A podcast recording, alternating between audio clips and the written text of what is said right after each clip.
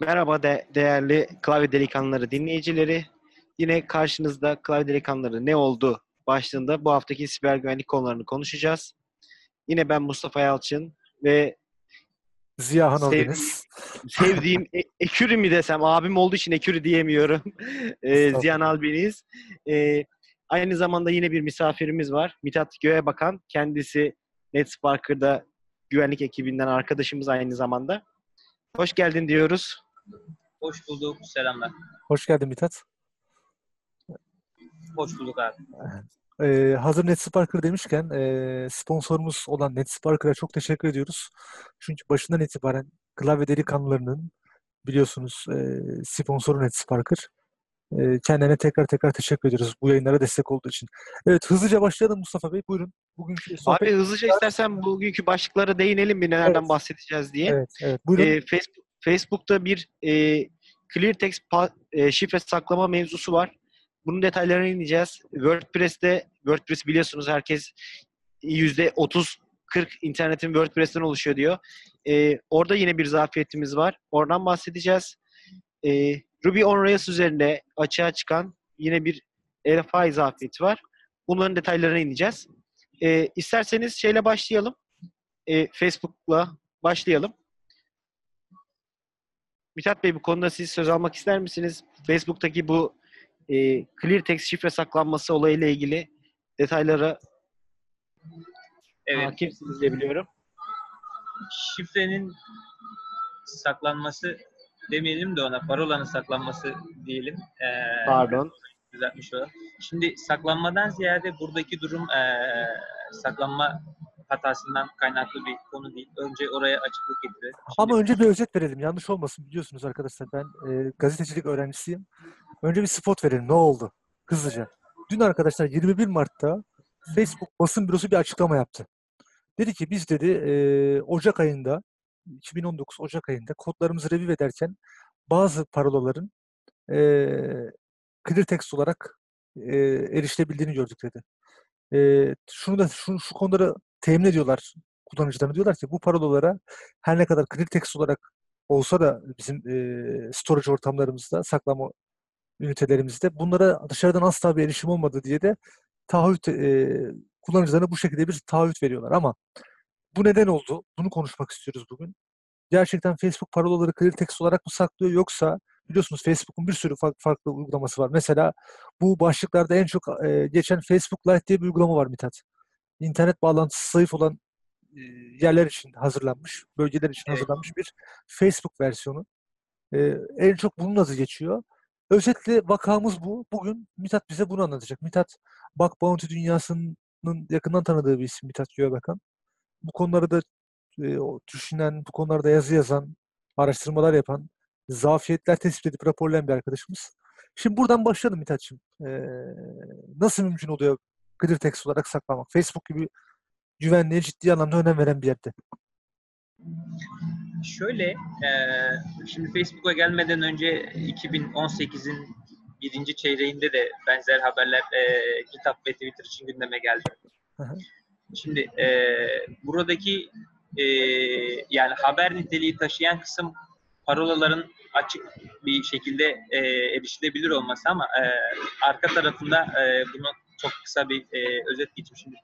Bu firmalar bu elde edilen parolaları kendi veri tabanlarında tabii ki geri dönüştürülemeyecek bir şekilde e, şifreleyip saklıyorlar. Ama e, bu süreç gerçekleşirken yani veri tabanına parolalar kayıt edilip şifrelenip kaydedilmeden önce geçilen ortamlarda e, bir takım içeride kullanılan loglama sistemleri, takip sistemleri tarafından e, farkında olmadan bir yerlere kayıt edilmiş olabiliyor.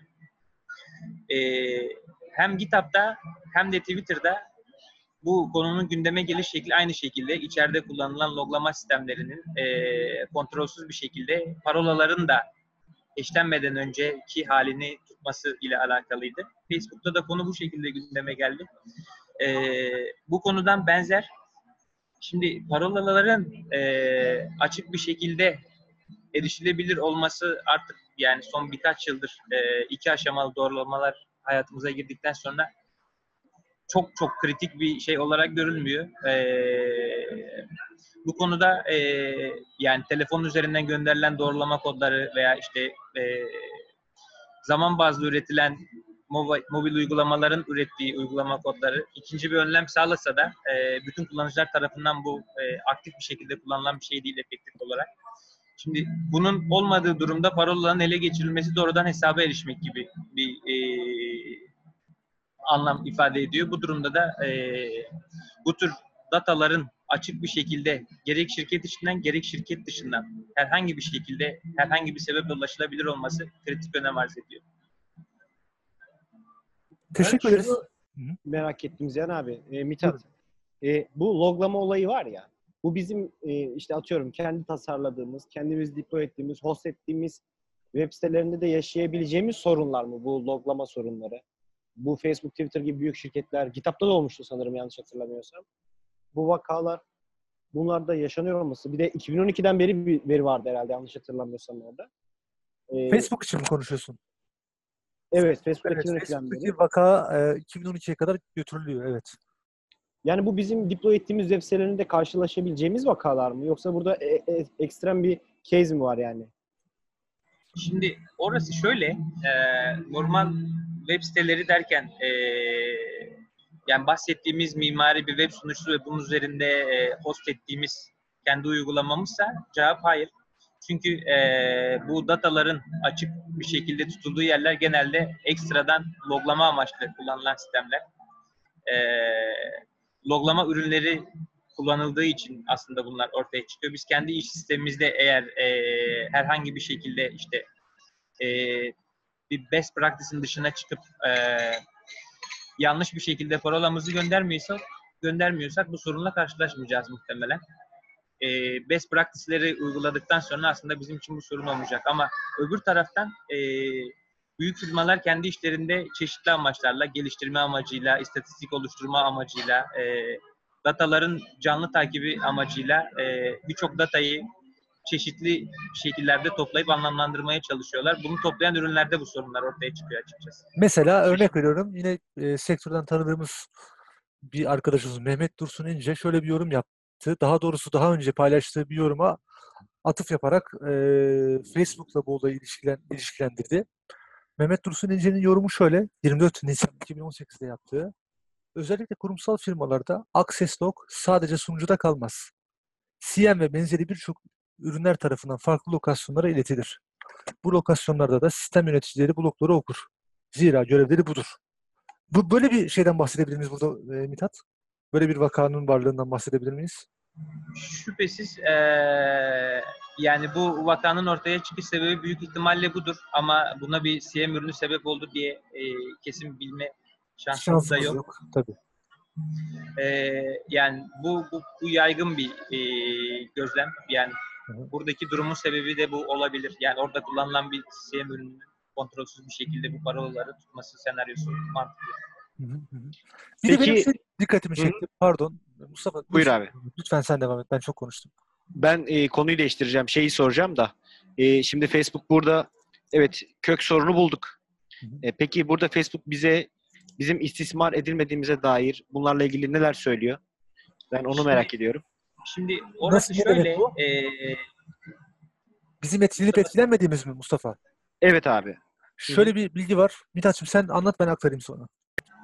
Şimdi eee, orada çeşitli akışlar var aslında. Parolanın açık bir şekilde ulaşılmasını da engellemek adına bu eee, Facebook, Twitter ve GitHub üzerinden konuşuyorsak bu eee, üç firmanın da aynı şekilde ekstra izleme yöntemlerini eee, kullandığını biliyoruz zaten. Bunlar nedir? Mesela eee, sizin günlük olarak kullandığınız cihazlar dışında farklı bir cihazdan doğru parolayla bile girseniz eee, bu bu sistemler için bir alarm üretiyor zaten veya işte 10 defa yanlış parolayı deneyip eee 11. de bu rakamlar 100 de olabilir, 1000 de olabilir. Eee, temsilen söylüyorum. Doğru parola girildiyse bu, bu, bu da sistemler için bir eee, ekstra bir alarm üretiyor veya siz sürekli olarak bağlandığınız ülkenin dışında farklı bir ülkeden hesabınıza bağlantı kurulduysa bu da bir alarm üretiyor. Dolayısıyla eee, bir hesaba doğru parola kullanılarak erişilmişse bile eee, harici bir sürü daha kontrol var. Birincisi bu datayı kullanabilirler. Ee, yani birinin hesabına erişildi mi erişilmedi mi çıkarımını yapmak için. İkincisi ellerinde zaten eee, bu içerideki takip amaçlı kullandıkları logların eee, datası olduğu için buradaki parolaların hangi hesaplara ait olduğuna bakıp bu hesapların da eee, aktivitelerinin loglarına bakıp bir anlamlandırma yapmış olabilirler. Bir şey daha dikkatimi çekti Mithat benim dostum. Ee, bu yine bu News biliyorsunuz Facebook'un bir basın odası sayfası var. URL'i de e, newsroom.fb.com. Ama ondan önce şöyle söyleyeyim. e, bizim etkileyip etkilenmediğimize dair ne yapılacak diye sordu Mustafa.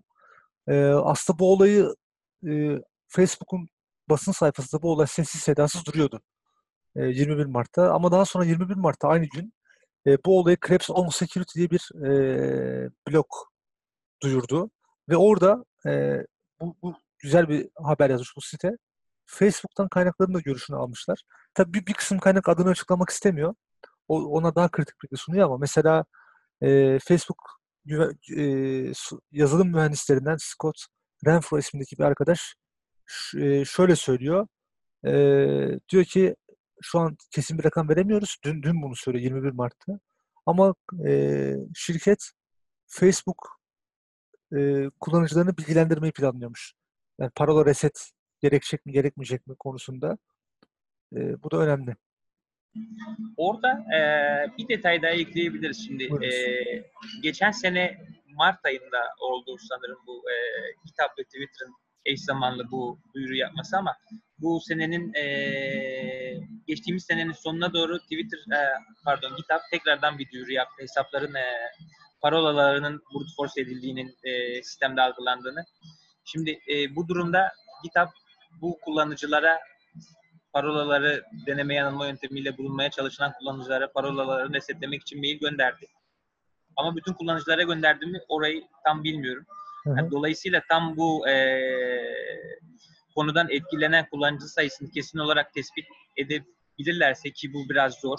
Eee, bu loglar çünkü canlı olarak değişen loglar oluyorlar genellikle. Hani eee, veya bir log silinmiş olsa bile bunun nerede kaydı vardı, işte kaç tane Evet. kullanıcı bundan etkilendi. Eee, tahmini bir rakam çıkarmak da zor. Eğer bu genel tabloyu çıkarabilirlerse böyle bir şey yapmalarını bekliyorum açıkçası. Etkilenen dikkatimi çekti. Bir şey daha dikkatimi çekti. Yayından önce de sizinle paylaştım ben. Biliyorsunuz bu basın odasındaki duyuruda Facebook önce diyor ki e, bu basın açıklamasının başında biz diyor e, parolaları saklarken hash artı salt kullanıp saklıyoruz diyor. Script kullanarak, script e, kullanarak diyor hashliyoruz. E, script fonksiyonu kullanarak hashliyoruz diyor. Ama biraz daha böyle basın açıklamasının alt tarafına doğru inince e, dikkatinizi çekmiştir. E, bu veri ifşalarında e, diyor ki e, kullanıcıların e, Facebook kullanıcılarının buradaki e, par- e-posta ve parola eşleşmesiyle aynı parola ve e, e-postayı kullanıp kullanmadığını check ediyoruz diyor. Yani eğer Facebook kullanıcılarının bu ifşa listelerinde adı ve e-postası varsa onları uyarıyoruz diyor. Şimdi burada akla şu soru geliyor. Bu bir iletişim kazası mı? Burada yanlış bir bilgi mi veriliyor bu basın duyurusunda? Yoksa e, ağzından baklayı mı kaçırdılar bu arkadaşlar? Çünkü eğer geri dönülemez biçimde e, hash artı salt kullanıyorlarsa nasıl oluyor bu iş? Yani nereden nasıl bu e, ifşa listelerinde arayacaklar ki? Sonuçta ifşa listeleri genelde e, clear text yayınlansa da bunu yapamazlar. E, herhangi bir başka e, sosyal medya sitesinden ya da sosyal network sitesindeki datalar alınsa gene de yapamazlar. Çünkü burada e, burada kullanılan saltla o, o sitede kullanılan salt bir değildir. Dolayısıyla hash çıktısı da aynı değildir. Bu sizin e, tuhafınıza gitti mi bu nokta? Ben size yayından önce paylaşmıştım bunu. Şöyle, e, o ifadenin altında eğer şöyle bir şey varsa, e, daha önce düz metin halinde e, sızmış parolaları kendi sistemlerindeki kullanıcıların kullandığı e, parolalarla karşılaştırmaksa yani bu ifadenin altındaki e, mana, orada şöyle bir şey yapılmış olabilir. Yani düz metin olarak yayınlanmış parolaları Facebook kendi kullandığı hashing algoritmasına artı sol algoritmasının nasıl çalıştığını biliyor. Dolayısıyla bu düz metin parolaları kendi algoritmasından geçirip şifrelenmiş halini kendi veri tabanındaki şifrelenmiş öbür parolalarla karşılaştırıp bu sızıntı var mı bunu kontrol edebilir. Nasıl bir daha buraya alabilir miyiz? Burası önemli bir nokta. Şöyle, şimdi düz metin olarak e, kullanıcıların parolaları Hı hı. Bir daha önceki sızıntıda işte MySpace sızıntısında veya Dropbox sızıntısında veya herhangi bir yerde yayınlanmışsa eğer işte bu kullanıcının parolasının e, düz metin halini Facebook biliyor sonuçta.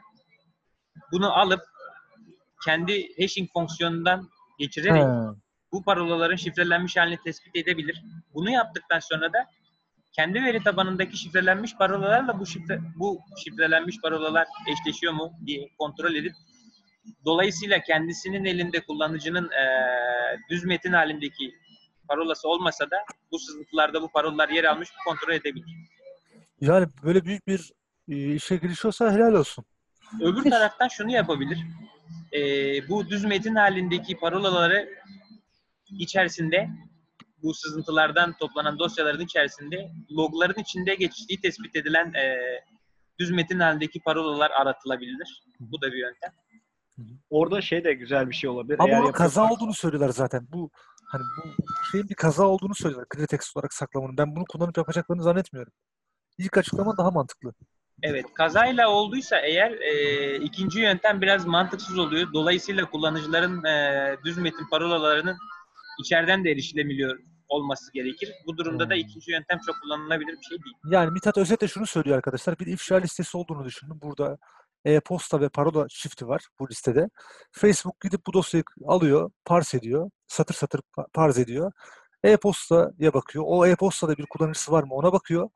Eğer o kullanıcıda o e-postada bir kullanıcı hesabı varsa Facebook'ta bu sefer o ifşa olmuş listedeki parolayı alıp kendi hashing fonksiyonundan geçirip saltlayıp hash, hashleyip e, sonucu mukayese ediyor. Eğer aynıysa kullanıcıya bir uyarı yolluyor. Gibi. Doğru mu Mithatçığım? Doğru özetledim zannediyorum. Evet, bu, bu kullanılabilir bir yöntem. Böyle bir şey yapılmış olabilir ama eee, bu çok basit bir işlem olmaz. Böyle bir şeyi tercih etmiş olabilirler mi bilmiyorum doğrusu. Ya tabii tabii mesela e, bu listeler az buz listeler değil biliyorsunuz. E, mesela bu en son yayınlanan Collection 1 listesinde e, benim tah bildiğim kaç tane parola ifşa edilmişti? 90 GB dosyanın boyutu onu biliyorum. Ve 1 milyarın üzerinde bilgi içeriyordu. Çeşitli yerlerden derlenmiş. E, dolayısıyla e, pardon 3 milyara yakın e-posta vardı. Bu e, 3 milyara yakın e-posta tabii tekilleştiriliyor e-posta adresi olarak. Çünkü farklı farklı yerlerden oluyor. Yani ortalama 773 milyon tekil e-posta adresi vardı mesela. Collection 1'de. Collection 1 sızıntısında. Hem sızıntılardaki datalar çok büyük hem Facebook'un kendi kullanıcılarının bulunduğu veri tabanı çok büyük. Evet. Yani bu iki büyük datayı birbirleriyle karşılaştırmak eee, otomasyonla bile yapılsa çok büyük bir maliyet. Soralım o zaman kendilerine. Ama yani bunu bu sızıntının şüphesinden dolayı değil de zaten önceden beridir bu e, önceki sızıntılar gündeme geldiğinden beridir böyle bir çalışma yapılıyorduysa var olan bir otomasyon vardıysa bu otomasyon bunun için kullanılmış olabilir. Ama yani bu sızıntıya aniden aksiyon olarak böyle bir yöntemin geliştirilmesi çok mümkün değil tabii. Süper. Eğer daha fazla ekleyeceğiniz Peki. yoksa Evet. evet, var evet. mı abi? 20 Ee, dakikayı doldurmak yok, Facebook'la. devam edelim. Devam edelim. Bunları daha sonra Edelim mi? Geçen hafta da devam edelim derken sıradaki konuya devam edelim. Ha okey. Ee, istersen abi şey e, Ruby on Rails üzerinde ortaya çıkan LFI zafiyetiyle ilgili Hı hı. seni dinleyelim. Ya basit bir zafiyet. Ya şöyle bir ba- basit bir zafiyet. Bir kere exploit'ı çok basit biliyorsunuz. Ee, zafiyet neden kaynaklanıyor? Ona, ona bir değineyim öncelikle. Biliyorsunuz ee, Ruby gibi sistemlerde yani Ra- Rails gibi e, frameworklerde MVC mimarisi kullanılıyor ve bu MVC mimarisinin içerisinde controller'lardan işte action'ların içerisinden bir template render edebiliyorsunuz. İşte template'in yolunu veriyorsunuz. Gerekirse dataları oraya e, yolluyorsunuz. Template render oluyor ve kullanıcıya gösteriliyor. Bu Rails'ta, Rails Framework'ünde şöyle bir seçenek daha var. Template dosyası dışında e, normal e, normal dosyada da render edebiliyorsunuz. E, sizin sürücünüzde bulunan. E, buna file render deniyor. Bu file render aşamasında e, siz bir yol veriyorsunuz ama bu, bu dosyanın bulunup okunması aşamasında accept header yani HTTP requestlerinde bulunan accept header'ı da e, bu sürece dahil ediliyor. Dolayısıyla sizin accept header va- e, accept header vasıtasıyla injekte ettiğiniz bir local file inclusion e, payload'u bu süreçte dahil oluyor ve siz e, bu atak sonucunda sürücüdeki herhangi bir dosyayı, daha doğrusu serverdaki herhangi bir dosyayı okuyabiliyorsunuz. Şimdi accept header'ı biraz e, bilmeyenler için özetleyeyim. E, ne iş yapıyor ondan bahsedeyim. Content negotiation diye bir şey var. Konsept var HTTP e, mimarisinde. Bu da ne demek? İçerik uzlaşması yapıyor sunucu ve server. Siz bir kaynak belirtiyorsunuz mesela. Diyorsunuz ki ben işte example.com'dan örnek veriyorum kontak dosyasını istiyorum. Ama e, bu isimle benzeşen pek çok farklı kaynak olabilir. Kontak TXT olabilir. Efendime söyleyeyim kontak HTML olabilir. Kontak JS olabilir. Kontak nokta XLS olabilir örneğin. Siz bir de accept header'ıyla şunu belirtiyorsunuz. Ya ben evet bu resource istiyorum ama benim aynı zamanda istediğim resource'un tipinin de şu olmasını arzu ediyorum deyip accept header ile bir de siz e, talep ettiğiniz içerik türünü belirtiyorsunuz. İşte bu e, file render'da da standart bir HTTP header olan accept header devreye giriyor. Accept header'ındaki değer de alınıp o e, render edilecek dosyanın yoluna ekleniyor ve ortaya bu local file inclusion zafiyeti çıkıyor. Bunun şey nedir? E, bunun fixi nedir? File render e, kullanmayabilir kullanıcılar ama en en geçerli fixi bunun yani en geçerli güvenli hale getirme yöntemi Rails bir update yayınladı biliyorsunuz. Rails sürümlerini güncelleyerek bu konuda e, en sıkı tedbiri almış olur dinleyicilerimiz. Peki abi e, ben şeyi soracaktım. Mesela Ruby on Rails Framework üzerinde e, mesela biz bundan etkilendik mi diye anlamak için soruyorum. Burada hangi framework'ü kullanan kullanıcılar etkilendi? Yani bütün Ruby on Rails versiyonlarında geçerli bir zafiyet mi Geçerli ama şu var bakın çok önemli bir şeyden bahsettim. Ee, Rails kullanmanız yetmiyor. Rails'la beraber bir de sizin file renderer'ı kullanmanız lazım. File renderer'ı kullanmadıysanız template için e, bu zafiyetten etkilenmeyeceksiniz. Böyle bir ön koşulu var zafiyetin o açığa çıkması. Bir e, Süper. bu kadar. Buyur abi. Bu Ha, kadar bitiyor. yani. Benim bitti. tamam. Teşekkür ederiz. Rica Ağzına ederim. sağlık. Estağfurullah. Sende herhalde bir tane daha konu vardı. Ee, MySpace üzerine de ben Hı. bir haber okumuştum da. Siz Ee, gençler MySpace'i hatırlıyor musunuz? Şimdi ben de onu diyecektim. Yani MySpace öleli bayağı oldu. Sen bu haberi nereden buldun getirdin bize? Nedir bu MySpace'in hikayesi? Ya MySpace bir e, blogtu biliyor. e, daha doğrusu bir sosyal platformdu. Ee, ne yapıyordunuz? Burada kendi profil sayfanız vardı. Burada gönderinizi paylaşıyordunuz. İşte insanlar burada e, sanatsal ürünlerini özellikle de e, eğer müzikle ilgileniyorlarsa mesela bu tarz e, üretimlerini paylaşıyorlardı MySpace'te. Evet. Ee, Bu arada abi benim orada bir arkadaşım ilk sesi- moderatördü yani. Öyle şey mi? deme yani. Aha. Yaşını sıkıyor bu derken. Mod, Evet. Modluk yapan bir arkadaşım da vardı. Ama şöyle bir şey var. Bir gü- güvenlik dünyasına meraklı olan gençler için bir şey daha söyleyelim. Ee, XSS zafiyeti biliyorsunuz. Şu an webdeki en yaygın zafiyetlerden bir tanesi. XSS biliyorsunuz MySpace'te ortaya çıktı. Daha doğrusu MySpace'te ortaya çıktı demeyelim de ilk e, XSS zafiyetinin yıkıcı etkisi e, MySpace üzerinde ortaya çıktı. Semi Kamkar mıydı? Malware vardı bir tane değil mi? Yanlış mı hatırlıyorum? Profilden profile. Evet evet Semi Kamkar. Ulaşan evet, bir- doğru hatırlıyorum. Evet, Evet. hatırlıyorum ben de o za- O şeyi. biliyorsun o aslında şeydi. Evet. Eee ne denir? Semi Kamkar'ın MySpace üzerinde yazdığı bir XSS payload'u vardı. Eee bir stored XSS aslında bu. Eee görüntülediğiniz zaman o XSS payload'un olduğu sayfayı Semi Kamkar'ı beğeniyorsunuz ve bir mesaj atıyordu kullanıcı kendi duvarına işte Semi Kamkar benim kahramanım diye. Sem, Semi Kamkar is my hero diye bir mesaj atıyordu. Bir sürü kullanıcıyı etkiledi bu o, o dönem Onun MySpace'teki. altında da herhalde o bir sevdiği kız için mi yazmıştı o malware falan? Öyle bir hikaye vardı diye hatırlıyorum. Valla eee, onu bilemiyorum ama Semi-Worm diye anılıyor bu arkadaşlar. Eee, ne zaman oldu bu? 4 Ekim eee, 2005'te oldu bu hadise. Eee, gece yarısı oldu. Eee Semi Kamkar bu hadise gece yarısı gerçekleştirdi. Eee, hatta bir bilgi daha sunayım. O esnada Semi Kamkar 19 yaşındaydı arkadaşlar. Eee, hatta ceza da aldı diye biliyorum ben. Mahkemeye çağrıldı. Evet. Eee,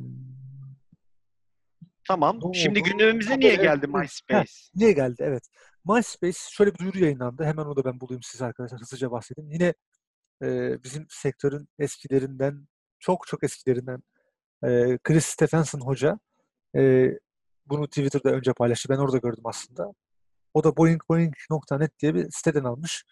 E, My, MySpace 2005 ve 2013 yılları arasında yüklenen bütün müzikleri, fotoları, videoları kaybetmiş. Yani yaklaşık olarak kaç yıl oluyor? E, ta ta ta tam hemen hesaplayalım. 8 12. yıllık pardon 2000 e, 2015 demedin mi? 2013. 2015 2013. 2013. Evet 8 yıllık bir datayı kaybetmiş. Ee, e, şeyin güzel bir temennisi var. Chris Hoca'nın diyor ki darısı Facebook, Google, Dropbox, Instagram, Tumblr ve, ve, ve bunların başına diyor. Ee, ya böyle bir hadise yaşamış. Neden oldu? Bakalım bir detaylarına. Bir detay bulabilecek miyiz? Ee, O arada ben Detay- MySpace ile alakalı birkaç bilgi Buyurun. ekleyebilirim.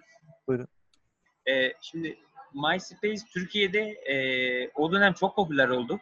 Yani dünyanın geri kalanında olduğundan daha da popüler oldu Türkiye'de. MySpace'in Amerika'daki ofisinde e, ciddi bir Türk e, ekip kuruldu yani orada bu dönem. MySpace'in marketinde Türkiye'nin çok e, ciddi bir önemi vardı. O Suzan Data da Türkiye'yi ilgilendirebilir yani. Hmm. Anladım. Peki yani herhalde o dönem Facebook şey o dönem MySpace kullananlar 2005'te bugün herhalde ne bileyim benim yaşlarımda Var mıydı abi senin, senin hesabın? MySpace'te benim hesabım sanırım hiç olmadı. Emin değilim ama hiç olmadı diye düşünüyorum. Ee, ta ta ta tam. Bu bu kadar bir mesele. Yani 8 Evet. bir data, e, 2005 ve 2013 yılları arasındaki bir data e, buhar olmuş. Çok üzüldük deyip geçelim o zaman. Çok üzüldük evet. Ee, elimizde ne var? Bir de WordPress var. Evet. Evet Musa onu sen anlatmalısın dostum. Tamamdır. WordPress'te girişte de bahsettiğimiz gibi arkadaşlar yani sürekli her yerde söyleniyor. İşte internetin %30-40'ı WordPress. Oradaki zafiyetler o yüzden bayağı etkili oluyor. Ee, yayılıyor. Ee, ses getiren zafiyetler oluyor. Benim bu zafiyeti incelerken dikkatimi çeken şey oldu. Öncelikle bu zafiyeti Rips teknoloji yani statik kod analizi yapan bir şirket var. WordPress'e kafayı takmış durumda. Onların yayınladığı bir zafiyet. Burada dikkatimi çeken kısım şu oldu. İlk başta zafiyet CSRF üzerinden yani bir token kullanılmaması gibi sebeplerden ortaya çıkıyor. Ve bu da yorum alanında gerçekleşiyor. WordPress'teki yorum alanında. Halihazırda biliyorsunuz blokların çoğunda yorum alanları açık geliyor etkileşim için. Burada saldırgan adminin e, yetkileriyle CSRF koruması olmadığından dolayı yorum alanlarına adminin adıyla yorum yapıştırabiliyordu. Yorum yazma hakkı elde etmiş oluyordu. Fakat burada bir detay var. Normalde CSRF'te siz e, bir ziyaretçi olarak web sitesine yorum yapıştırmaya çalıştığınızda, yorum yazmaya kalktığınızda işte bazı kısıtlarla karşı- karşılaşıyorsunuz. Güvenlik amaçlı limitasyonlar. Nelerdir bunlar? İşte örnek veriyorum HTML kod injekte edemiyorsunuz gibi. Veya işte sadece belirlenen shortcode dediğimiz işte örnek veriyorum yazıyı kalın yapmak için B kullanmak gibi şeylere izin veriliyordu. Ama burada admin haklarıyla yapıştırabildiği için saldırgan eee, WordPress yorumu gönderdiğinde admin haklarıyla HTML injection yapabiliyor oluyor. Buradaki bu yorum alanında CSRF korumasının olmadığı e, tarihe bakarsak Rift teknoloji bununla ilgili 2009'dan beri burada bununla ilgili bir şey yok diye bir not düşmüş. Hani 2009'dan beri burada CSRF mümkünmüş ve yeni fark etmişiz. Evet. Demek ki daha çok derinlere bakmamız aslında şöyle yok yok yeni fark etmişiz değil abi. Ee, yorum alanında CSRF korumasının olmadığı 2009'dan beri biliniyor. Evet. Hatta hatta Ha doğru. fonksiyoneliteyle alakalı bir şey. Çünkü biliyorsunuz Facebook şey, e, özür dilerim. WordPress'te pingback, den, pingback denilen bir mekanizma var. Bu ne demek? E, bloklar birbirlerine şey verebiliyorlar. E, onun SEO Blok yayınlarında. Evet. Backlink, backlink gibi bir mekanizma var. Dolayısıyla bu şöyle Mustafa mesela ben bir blog yazısı yazdım abi. Ee, ya da ben bir blog yazısı yazdım. Sen sonra başka bir blog yazısı yazıp benim blogumdan alıntı yapıyorsun abi. Bu e, sen yazını post ettiğin zaman WordPress sistemi geliyor abi. Benim blogumu ziyaret ediyor. O blog postun altına bir comment bırakıyor. Bunu yapabilmesi için ne lazım? E, burada herhangi bir CSRF korumasının olmaması lazım ki bu yorumu Evet ama yapabilsin. or, e, orada şey de var. Zaman RPC ile birbirleriyle iletişiyorlardı. Belki ben onu düşündüm. Hani burayı niye ayırmamışlar birbirlerinden diye. O Belki o iletişim kanallarından geldiği anlaşılabilir hale getirilebilirdi. Ama evet. E, olabilir evet. Ben dediğin gibi oraya bir filtre koyar. Mesela normal kullanıcıysa e, CSRF e, token e, diğer yoldan geldiyse bir e, servis üzerinden geldiyse e, RPC üzerinden geldiyse o takdirde ol- ama şimdi onda nasıl yapacak? Nasıl anlayacak RPC üzerinden geldiğini? Çünkü bu authenticate edilmiş bir kullanıcı değil. Alelade bir kullanıcı. Doğru mu? E, user engine falan filan dersen yine onu yapabilir. Anlatabildim mi? E, hı. bir, bir değeri yani arbitrary bir değerle onu şey yapabilir. Evet, impact'e düşebilirdi sadece. evet, evet. Doğru. Dolayısıyla Evet, bu, ya, bu kadar uğraşmamak için eklememişler eee, bu CSRF token'ı. Dediğin gibi bu eklemek yerine şunu yapmışlar. Normal kullanıcı buralara şey giremiyor. eee, HTML tagları giremiyor. Ya da limitli, çok limitli tagları girebiliyor. Admin kullanıcısının biraz daha fazla eee, Evet. Yetkisi Burada benim- girmek için. Burada benim en çok dikkatimi çeken şu olmuştu abi. Ee, yani WordPress'te CSRF bulundu. Evet iyi, bulunmuş olabilir. Tamam. Ee, burada ondan sonra şöyle bir şey yayıldı.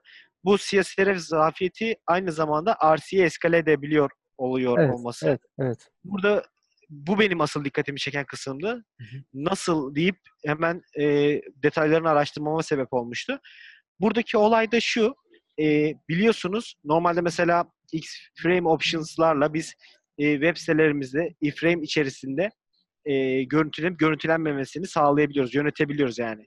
Engelleyebiliyoruz ya da belli bir izinler verebiliyoruz. Hı hı. Burada WordPress'in e, kendi sunucusu üzerinde e, iframe embed ederek, HTML kod embed edebildiğimizden dolayı bu CSF saldırısında e, iframe embed ederek kullanıcı e, sunucu üzerine admin yetkileriyle PHP dosyaları editlemeye kadar tabi bu WordPress üzerindeki adminin e, hali hazırda var olan yetkilerini kullanılarak genelde insanlar default olarak bunları kullanıyor. Ne yapıyor? Temaları düzeltmek için veya işte bir takım kodları revize etmek için mesela o yetkilendirmeyi yapmışlarsa, açık bırakmışlarsa izinleri aynı zamanda saldırganın remote code execution'a bunu çevirmesini sağlıyor. Evet. Böyle Özetle arkadaşlar hı hı, bu zafiyet bir XSS zafiyeti aslında. Evet. e, adını doğru koymak lazım.